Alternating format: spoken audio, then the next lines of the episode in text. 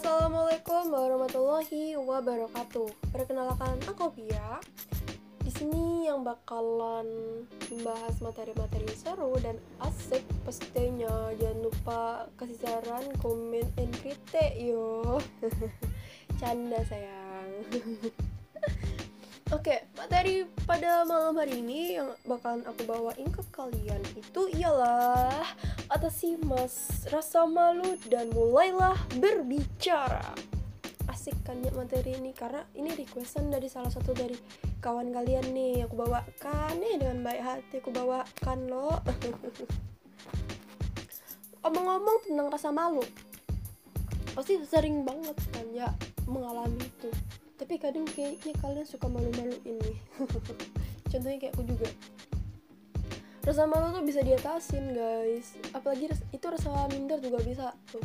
Minder sama malu sama ya. Itu bisa kok di apa namanya? Diatasin. Karena ada caranya ada tipsnya. Dan itu yang bakalan aku sampaikan pada malam hari ini. Tapi kita ngomong-ngomong dulu ngobrol santuy dulu ya sebelum kita masuk ke tipsnya biar kalian nggak tegang-tegang amat dalam mendengarkan. Kita banyak-banyak bercanda ya Wak. Jadi kadang kalau misalnya malu tuh kita kayak jadi susah dalam melakukan satu hal kayak jadi makin gak pede. Ya kan? Pasti kalian merasakan kayak gitu.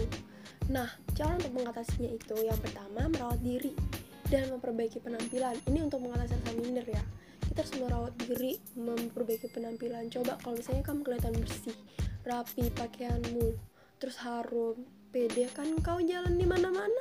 Udah macam model aja kau pokoknya kalau lewat. Rasa-rasa kayak sudah paling cakep pokoknya. Ya kan ya kan? Yang kedua menerima diri sendiri. Kenapa aku bilang menerima diri sendiri? Kalau misalnya kamu belum bisa menerima diri sendiri kamu gak bakalan bisa kayak ngatasin rasa mindermu. Karena semua itu mulai dari sendiri. Dan akhirnya juga buat diri sendiri kan. Terus yang ketiga introspeksi diri. Introspeksi dirimu bagaimana kamu sudah sampai saat ini udah kayak apa sih diri kita nih? Kayak gitu. Baru kita lihat kok aku bisa malu-malu ya? Padahal kan aku harusnya begini seperti itu. Terus yang keempat menghargai pencapaian diri kita harus menghargai apa yang sudah kita capai. Itu semua butuh usaha dan butuh perjuangan. Sama aja kan ya, butuh usaha sama perjuangan sama aja guys. maaf, maaf, maaf. Kita tetap harus menghargai. Kenapa aku bilang menghargai? Kalau misalnya kamu nggak bisa menghargai dirimu sendiri, bagaimana kamu menghargai orang lain? Dan mulailah untuk menghargai diri sendiri untuk mengatasi rasa mindermu itu kalau misalnya kamu nggak bisa ya rasa mindermu bakal tetap begitu aja. Padahal kamu punya sebuah pencapaian yang hebat tapi kamu minder hanya karena iya pas ngelihat gitu ngelihat orang lain pencapaian orang lain. Orang lain bisa dapat peringkat satu tapi kamu cuma bisa dapat peringkat lima. Jadi minder kan? Kok gue kelihatan bodoh banget ya?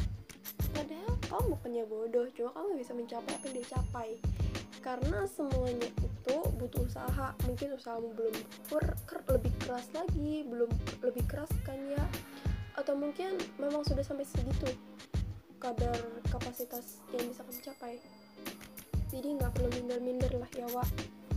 Terus yang kelima cari dukungan cari support. Orang yang bisa support kamu. Jangan cari orang yang cuma bisa support kamu pas kamu di atas doang tapi pas dia pas kamu di bawah pas kamu lagi down downnya dia bisa tetap jadi sebuah support buat kamu. Itu orang yang tepat. Karena seorang yang berkualitas itu lebih berharga dibandingkan orang-orang yang selalu berada di kita sama kita sewaktu kita berada di atas. Karena konsepnya begini. Sejauh mana pun kamu terbang setinggi apa pun langit yang ingin kamu gapai jatuh kamu bakalan ke tanah juga. Kalau misalnya waktu jatuh di tanah ini kamu nggak ada yang apa namanya? Megang di bawah ada yang nungguin di bawah di mana tempat kamu pulang. Kamu nggak kalian bisa menemukan orang yang tepat. Kamu kayak selalu berada di lingkungan yang kurang baik untuk dirimu sendiri gitu biar kamu gak stres. Kalau misalnya kamu punya dukungan cuma pas di atas doang mah stres kamu yang ada? Karena harus di atas mulu gak pernah bisa di bawah. Kan manusia nggak bisa terus-terusan berada di atas. Kita juga harus bisa merasain fase berada di bawah biar lebih sempurna aja hidup. Biar ada manis-manis bumbu asin-asinnya gitulah biar macam apa ya nasgor gitu kan. Nasgor kan enak kalau gurih-gurih manis gitu kan ya terus yang keenam meningkatkan pengetahuan. Kamu bisa mulai dari membaca buku menginvestasikan diri dengan buku memperbanyak ilmu pengetahuan itu nggak ada ruginya guys. Dan itu bertahan sampai lama. Kamu bisa belajar dari buku terus kamu bisa berbagi ilmu itu ke orang lain. Dan orang lain berbagi lagi ke orang lain. Kayak kamu jadi kayak dikenal wah ini dia baca, buku banyak dia koleksi bukunya ini gini gini gini. Akhirnya kesanmu di umum bisa bagus juga. Terus kayak gitu pas juga bakal ningkatin kepedeanmu tuh. Be gue udah pinter coy. Kayak gitu pasti. Canda-canda ya. Nggak boleh sombong kalau udah pinter. Bagi-bagi contekan dulu sih kayak lah. Satu-satu nomor satu apa wa kayak gitu ya. Terus yang ketujuh berpikir dan bertindak positif. Kenapa aku bilang harus kamu harus bertindak positif? Ya dong kalau misalnya kamu tidak berpikir dan bertindak positif bawaannya netting mulu kamu bakal merasa kayak minder kayak gitu. Kamu selalu merasa ah gua nggak pantas. Eh aku nih nggak cocok di posisi ini. Contohnya saja kamu lihat siapa yang tidak yang mau seperti itu tuh Om Sandro Sandro bilang tuh selalu seperti itu.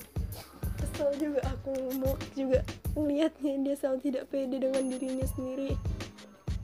Dan kalian pasti bakalan ada yang seperti itu. Ya nggak sih? Kalian pasti ngerasa nggak pede dan selalu berpikir negatif tentang diri kalian. Padahal kalian sudah bagus versi kalian.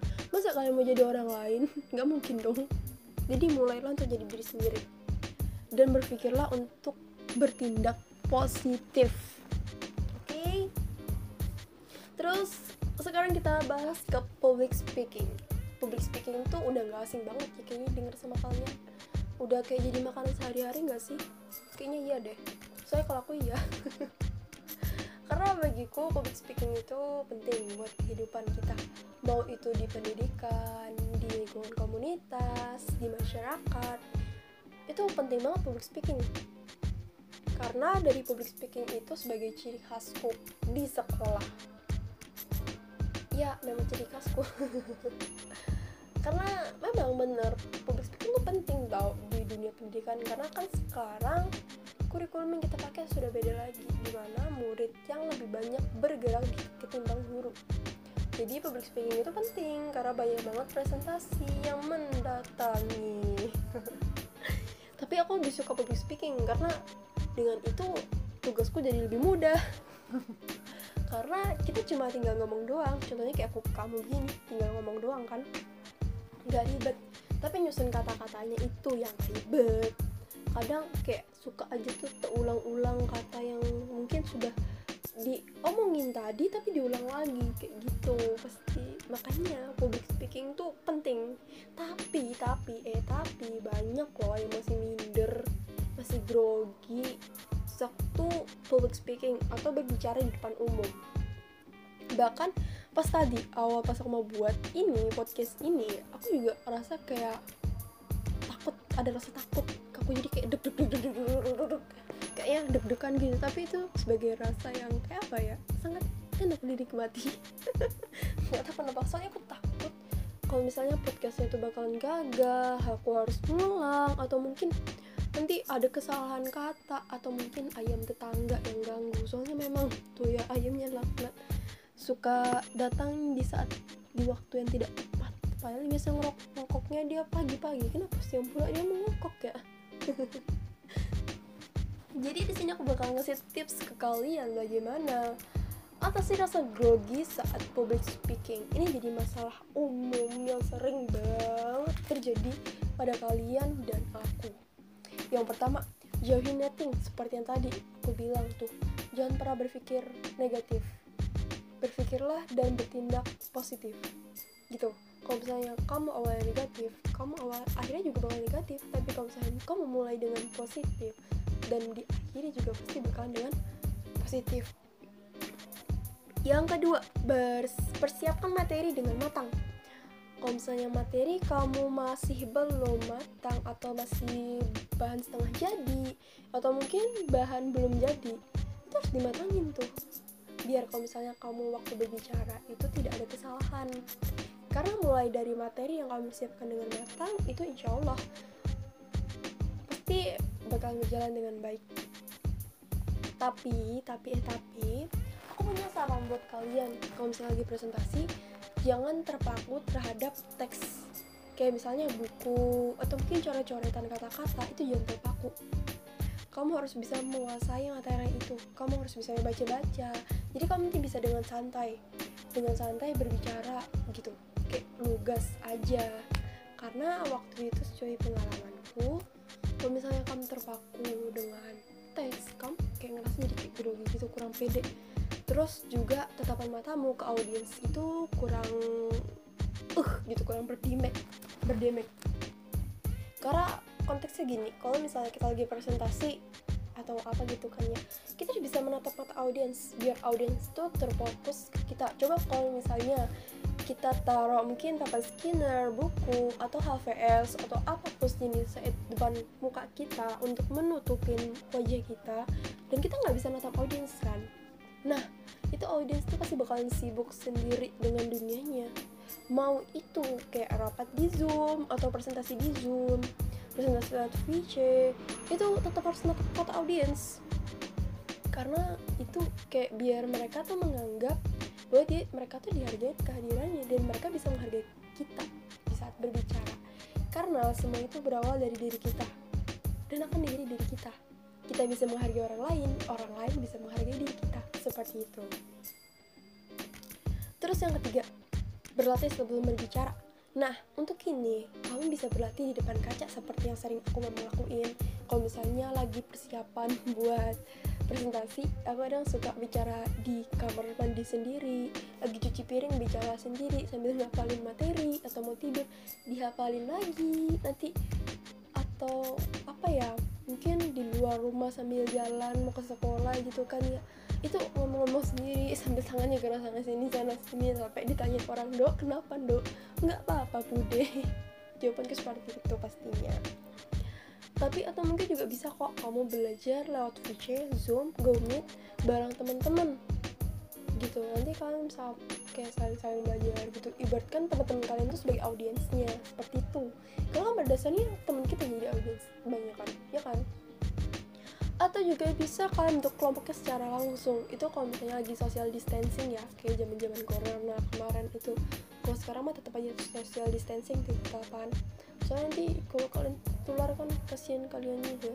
Nggak boleh kita sudah jadi makhluk pilihan Tuhan ya. Terus yang keempat. Temukan ketenangan diri. Kita harus menemukan ketenangan diri. Kamu bisa menemukannya kayak dengan apa ya menenangkan diri itu mulai kayak misalnya ngeliat ijo-ijo gitu terus kamu hirup napas dalam-dalam habis itu kayak habis itu embuskan deh. Kayaknya tuh langsung adem tenang ada nafas baru kayak masuk ke dalam hidung dingin dingin gitu. Atau mungkin kalau bisa merelakskan diri mulai pijit-pijit santuy gitu kan ya dulu sebelum sebelum presentasi beberapa menit atau jam sebelum presentasi kamu pijit-pijit dulu area-area pelipis nah tangan-tangan kepijitkan temuin ketenanganmu gitu. Atau mungkin minum bisa kalau misalnya yang mungkin mengatasinya seperti itu. Kan banyak nih cara kita untuk menemukan ketenangan diri. Banyak kok. Mungkin tarik napas bisa. Mungkin mau permen, makan permen bisa. Gigit-gigit jempol juga bisa atau mungkin kukunya di jadi telunjuk. Kau tancapkan dulu sikit lah ke jempol di awal sini. Itu juga bisa banyak kok caranya. Tersebar. Terus yang terakhir fokus pada diri sendiri. Kita harus fokus ke diri kita sendiri. Ya kan kalau misalnya kita bisa? Kita harus fokus. Kalau misalnya kamu nggak fokus dalam melakukan sebuah presentasi kamu nggak bakalan kayak sukses gitu. Kayak kamu merasa kayak grogi-grogi aja diperhatikan coba kalau misalnya kamu fokus kamu bayangkan kalau misalnya ini tuh sebuah kesempatan emas buat kamu apa ya berdiri buat apa berpijak untuk lebih tinggi lagi gitu. Ya fokus harus fokus. Dan kunci utamanya itulah PD kalau misalnya kamu nggak pede sama sekali kamu nggak bakalan bisa ngelakuin itu semua. Jadi kuncinya pede kalau misalnya nggak bisa pede ya diusahain pede kalau nggak bisa diusahain lagi iya diusahain pokoknya harus pede nggak boleh nggak pede kayak gitu kalau nggak tahu pede percaya diri ya bro Oke, kayaknya segini aja deh podcast kita sudah 15 menit aku buat guys. Oh, I'm sorry ya. Kalian bisa dengerin ini di mana aja dan kapan aja. Dan juga kalian bisa mendengarkan ini di Spotify kita yang akan terbit setiap Jumat. Bersama STFJ kita bersatu berjuang dan bekerja sama. Iya, bener nggak nih slogannya? Lupa juga aku. Oke, sekian dari aku. Wassalamualaikum warahmatullahi wabarakatuh. See you.